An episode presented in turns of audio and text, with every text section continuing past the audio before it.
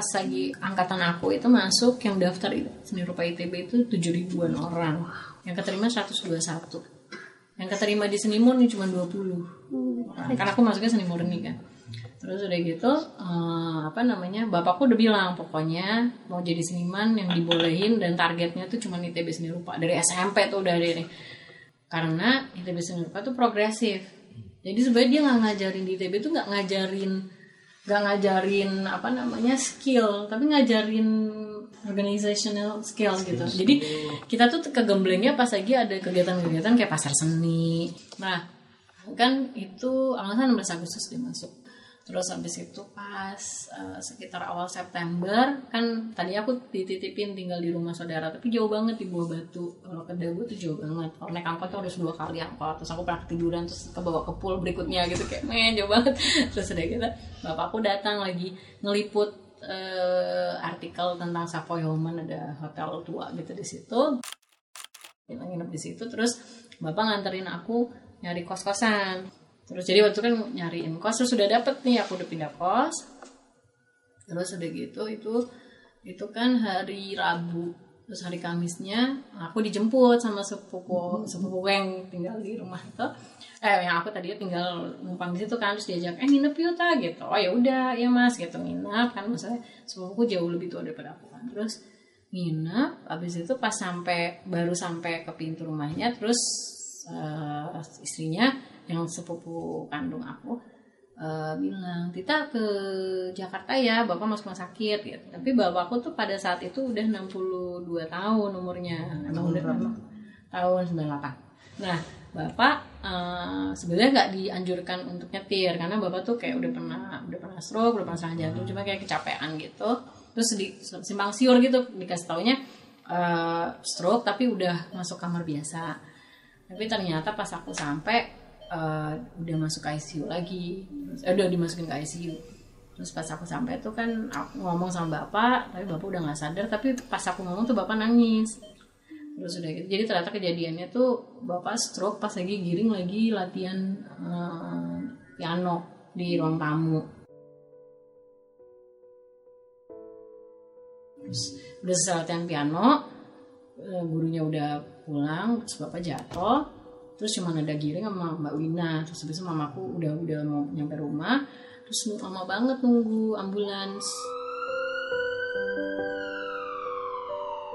Terus udah gitu pas dibawa jadi udah telat kan udah stroke-nya udah ini. Terus itu hari Kamis terus pas hari Minggu jadi saudara-saudaranya bapak kan ada yang dari Jogja segala macam terus kakaknya udah tinggal kakaknya nih yang satu ini akhirnya nyampe. Terus sebelum kakaknya nyampe itu uh, udah mulai drop. Cuman aku aja waktu itu yang sama bapak aku lagi nemenin bapak terus mulai kayak mimisan gitu kayak kayaknya pertanda ya kayak gitu ya terus udah gitu. Habis itu aku manggil dokter terus habis itu kayak semua keluarga udah ngumpul terus giring tuh lagi sholat di masjid terus habis itu udah ngumpul semua. Terus habis itu uh, pas minggu siang kan meninggal. Nah, uh, akhirnya yang terjadi adalah udah balik ke udah udah, dua mingguan gitu di Jakarta terus balik ke Bandung. Terus begitu aku balik, terus uh, aku kayak mem mem memutuskan pokoknya semua karya aku di kampus akan tentang bapak. Nah, jadi selama di ITB itu selama 4 tahun tuh semua karya aku tentang bapak sampai tugas akhir tugas akhir aku itu adalah karyanya tuh karya multi multi distant gitu namanya di, jadi aku belajar alternatif photographic process uh, lewat salt print. Namanya salt print kan memang ada garamnya di larutannya. Nah itu fotonya itu bisa dicetak harus di ruang gelap tapi dia nanti bisa terekspos kalau kena matahari. Terus hasilnya sepia kayak memori gitu. Nah aku nyetak uh, dengan proses itu di 700 kanvas. Kecil-kecil 10 kali 10 ngerjainnya kayak 6 bulanan gitu. Hmm. terus aku bikinnya tuh pakai komputer grid dulu ah, kayak pixel art jadi, nah jadi kalau misalnya deket banget itu bisa dilihat foto-fotonya. Sebelah sini tuh foto-fotonya bapak pas lagi jadi wartawan. Perang terus di sini foto pas nikah sama mama. Di sini terus ada foto pas lagi kakakku lahir pas masih kecil aku terus giring. Sebelah sini tuh foto pas lagi pemakaman semua memori sama bapak judulnya Sugary Sugeng Sare. Sugeng Sare itu kan bahasa Jawa artinya sama tidur. Sugar itu manis gitu misalnya bahasa Inggris kan jadi Sugary Sugeng Sare. Tapi kalau misalkan kita menjauh sedikit semua kanvasnya ini eh, pas lagi disapu kan cairannya tuh bisa dibentuk sesuai sama yang kita mau. Jadi bisa aja nggak nggak jadi kotak terus dipenuhin gitu. So aku ngebentuknya jadi huruf jadi sebenarnya aku lagi nulis puisi buat bapak gitu. Hai bapak. Apa gitu-gitu segala macam. Misalnya kayak ya pokoknya aku namanya suka nulis puisi. Terus habis itu jadi bisa orang bisa nurunutin terus sampai bawah tuh jadi puisi. Tapi kalau dari jauh jadi mukanya bapak. Terus udah gitu ya ini ini kan terjadi. Maksudnya bisa bikin konsep ini karena dari 98 sampai ini kan aku lulus 2002 98 sampai 2002 tuh all I created was about bapak gitu. Karena ini kan sebenarnya sebagian besar cita-citanya bapak kan untuk aku masuk ITB terus kayak aku kayak ngerasa kecolok maksudnya kayak ngerasa ya kan gue masuk buat bapak terus bapaknya nggak ada gitu kan. Jadi kayak mencoba menghadirkan bapak gitu lewat karya gitu kan. Terus udah gitu eh, nah ini tuh yang membuat aku juga yakin bahwa sebetulnya memang aku masuk lewat jalur itu gitu. Tapi eh, kalaupun aku nggak di situ aku juga tetap akan bikin karya tentang bapak. Jadi kalau menurut aku tuh sebetulnya karya itu eh, maksudnya menjadi seniman itu sebetulnya nggak otomatis harusnya cuman kalau misalkan orang masuk "Ah, ah," gitu. Karena itu kan self expression kan? Sorry. Terus udah gitu ya ini si karyanya aku bawa ke Jakarta. Karyanya aku bawa ke Jakarta terus aku pamerin waktu itu pameran grup. Nah nah ini ini cerita yang berbeda lagi. Jadi aku tuh kan ya modal nekat. Jadi begitu aku udah lulus pindah ke Jakarta yang aku lakukan adalah aku ngetok-ketokin tempat yang kelihatan kayak galeri padahal bukan galeri. Gitu. terus ada showroom. Ini bukan galeri deh gitu. Oh ya maaf. Udah bawa portfolio. Terus itu ada satu galeri namanya eh, gedung 28 di Kemang. Terus aku nyoba masuk terus habis itu dikasih tau "Oh, ini manajernya di atas. Terus aku ngecap aja gitu. Iya soalnya saya punya kali ngecap aja gitu. Oh iya menarik banget ya gitu. Terus dia bilang oh kayaknya kita Februari ada kita sebenarnya lagi pengen cari program yang berhubungan sama Valentine gitu. Tapi maksudnya kisah cintanya jangan yang ini deh gitu. Oh saya punya karya karya saya sama bapak gitu. Terus bisa aku kasih lihat gitu. Terus dia punya ruangan gede di basement gitu tapi yang kelihatan dari dari ini dari jalan. Terus modulnya kan breakable ini. Dia modular. Jadi ada 20 box gitu. Terus aku bawa ke Jakarta terus aku pasang ulang di situ. Nah pas dipasang ulang ada satu kurator eh, Rifki Effendi namanya orang ITB juga nanya gitu eh Ta, itu pameran kamu sama teman-teman? Iya mas gitu. Eh saya eh, mau datang ya mau mau ngeliat nanti mau saya tulis gitu. Oke gitu. Terus ternyata itu di muat di Kompas di Kompas Minggu judulnya ada apa dengan cinta seniman. Semua cuma ada satu ya bukan ada C dua iya terus ada gitu terus eh, ini apa namanya eh, ya itu terus si karya ada si foto aku sama bapak gitu di situ kan maksudnya. Terus sebenarnya aku udah pameran-pameran tuh dari 99 jadi aku masuk 98 99 aku udah pameran. Pertama kali aku pameran grup itu di Dagoti House gitu di Bandung. Aku bikin lukisan eh aku bikin eh, karya dari kaca. Jadi ada dua lapis kaca gitu. Nah ini tuh warnanya biru terus yang ini warnanya krem kalau nggak salah. Eh kuning kuning waktu itu aku bikinnya biru sama kuning. Terus habis itu ininya aku rugos kalian tau rugos kan rugos itu eh, rugos itu huruf gosok. Tau nggak yang kayak stiker? Abis itu ada huruf S S S banyak. Terus abis itu lo tempel gitu ke surface. Abis itu lo gosok nanti dia nempel. Nah yang gue lakukan adalah gue dengan si rugos itu gue bikin siluet.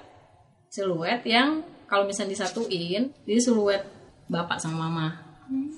Tapi rugosnya itu dari huruf nama kita. Oh. Bap- aku oh, misalnya Wina Tita Giring gitu. Nama anak. nama anak gitu. Terus judulnya sih How Much I Love You. Karena kayak aku kayak pengen kasih tahu mamaku gitu bahwa uh, if you wanna jadi kayak bapak tuh lagi ngomong sama mama gitu. If you wanna see how much I love you just see it through our children gitu. Biarpun aku udah nggak ada gitu. Wih. terus udah gitu itu pertama kali itu pas lagi eh, tahun 99 aku pamerannya ini gitu. Terus habis itu eh, pas eh, 2000 terus 2000 kan masih pameran pameran grup gitu. Terus 2001 aku belum lulus. Aku lagi jalan-jalan eh, di Kemang. Ada acara temenku tuh punya ibunya punya kafe di Kemang. Terus pas naik ke atas terus tapi area bawahnya kosong cuma dilewatin aja. Terus aku langsung kayak "Ah, bisa jadi pangeran sih? Terus naik ke atas langsung tante so, akrab sama ibunya gitu. Nggak kalau misalnya saya ini gitu nanti kalau misalnya kejual nanti aku bisa share 20% cek kan masih mula masa kali udah 50% terus kayak dan maksudnya kan tantenya baik aja gitu ya gitu. Terus nggak ngira juga akan kejual ternyata kejual. Kejual tiga lukisan. Terus aku mamerin 10 itu sendiri. Bener-bener apa namanya bikin maksudnya pameran tunggal judulnya Fragments. Terus aku inget banget karena masih belum punya modal ya. Jadi katalognya tuh eh, monokrom cuman satu warna warnanya biru tua gitu tintanya terus ada foto aku. Foto aku juga diambil dari foto pas lagi apa namanya eh, di buku tahunan SMA aku nggak punya foto terus kayak ini harus ganti nih di terus udah gitu. Terus karya-karyanya aku taruh ada harganya di katalog gitu. Terus pada pas pembukaan terus ada yang beli. Terus gara-gara ada pameran itu aku di diwawancara sama Her World Her World ya, yang majalah yang perempuan itu kan Her World. Gara-gara lihat di Her World terus aku dihubungin sama kafe lain di deket situ. Namanya venue. Dulu tuh happening banget deh. Terus udah gitu buat pembukaannya minta aku ngisi pameran gitu. Terus habis itu terus jalan berapa bulan terus mereka bilang itu aku kan udah mau itu kan aku udah udah ulang tahun ke 21 kan gitu. Terus habis mau ulang tahun ke 22 terus udah gitu eh, si venue-nya minta aku bikin consignment artwork. Consignment tuh di request. Ya misalnya pernah lihat kan kalau di di hotel-hotel ada banyak lukisan banyak itu consignment biasanya. Jadi dia menyesuaikan sama interior hotelnya. Dia maunya bunga ya yang bikin bunga itu mah dia produksi. Maksudnya kayak dia tetap seniman cuman dipesen gitu. Pengennya kayak gini. Nah dia bilang ini mau di mau direnov bagian depannya. Tolong bikin lukisan yang emang tahunnya sama. Terus aku bikin tuh berjajar lima gitu terus nyambung gitu selu apa minimalis. Kan gaya aku kan selalu minimalis. Terus habis itu bayarannya dikasih tahu bayarannya segini. Harus aku nawar boleh nggak segini? Tapi sekitar 30 persennya tuh bentuknya dinner buat aku sama temen-temen gitu. Jadi kayak apa namanya aku kayak neraktir temen-temenku tuh kayak pesta ulang tahun di situ gitu. Terus pas 2002 lulus terus habis itu 2003 dapat kesempatan untuk pameran di Hotel Nico sekarang Hotel Pullman di Bundaran HI di Bundaran HI itu kan ada Grand Indonesia terus habis itu seberangnya tuh eh ada Plaza Indonesia seberangnya tuh ada hotel namanya Pullman kalau diperhatiin di sana tuh ada kaca di lantai duanya. Tadi aku ditawarin di area yang lain gitu ketutup. So aku bilang kalau mau saya pameran di sini saya maunya yang karya saya kelihatan dari jalan. Gitu. Terus habis itu terus terus dia ya, terus mau aja orang ya udah. Terus habis itu eh, si panelnya sengaja aku pepetin. Jadi emang orang bisa ngeliat gitu. Dulu ada jembatan penyeberangannya. Terus salah satu lukisan yang laku di situ karena si orang ini lagi jalan lewat jembatan penyeberangan mampir terus beli gitu. Nah pas aku pameran itu eh dari kalau nggak salah tuh total ada 18 karya 15 tuh kejual. Nah tapi bukan penghasilan penjualannya yang paling penting dari pameran itu. Kan karena aku udah diajarin sama bapak pokoknya kalau pameran harus ada katalog gimana caranya. Nah jadi aku eh, apa namanya minjem duit dulu dari mama mau nyetak katalog. Gitu. dan katalognya berwarna katalognya berwarna bisa dilipat gitu kalau misalnya banget terus aku bilang sama orang hotelnya saya mau nyetak seribu katalog tapi harus dimasukin ke semua kamar di hotel ini. Terus dimasukin ditaruh kayak gitu tuh kayak misalnya ada menu tuh ditaruh gitu. Terus pas kebetulan banget ada uh, manajer seni dari Singapura lagi nginep di situ. Terus dia baca dibaca terus dia turun. Dan karena aku selam kalau aku pameran aku nggak nggak pernah maksudnya aku tuh jarang banget nggak datang ke pameran aku. Mau itu sebulan kayak mau itu tiga minggu biasanya aku standby supaya kalau orang datang aku bisa jelasin. Nggak apa-apa sih seniman yang emang nggak suka jelasin tentang karyanya tapi would be better kalau senimannya bisa jelasin karena kan dia yang tahu ya di dalam otaknya apa gitu. Nah gue lagi di situ lagi duduk datang dia. Dia turun namanya Veronica Howe. Si Veronica ini ngobrol gitu gitu segala macam. Terus aku cerita terus dia bilang can you send me your portfolio message yang lengkap? Gue inget banget tuh aku beli yang binder yang apa sih folder yang isi 40 halaman.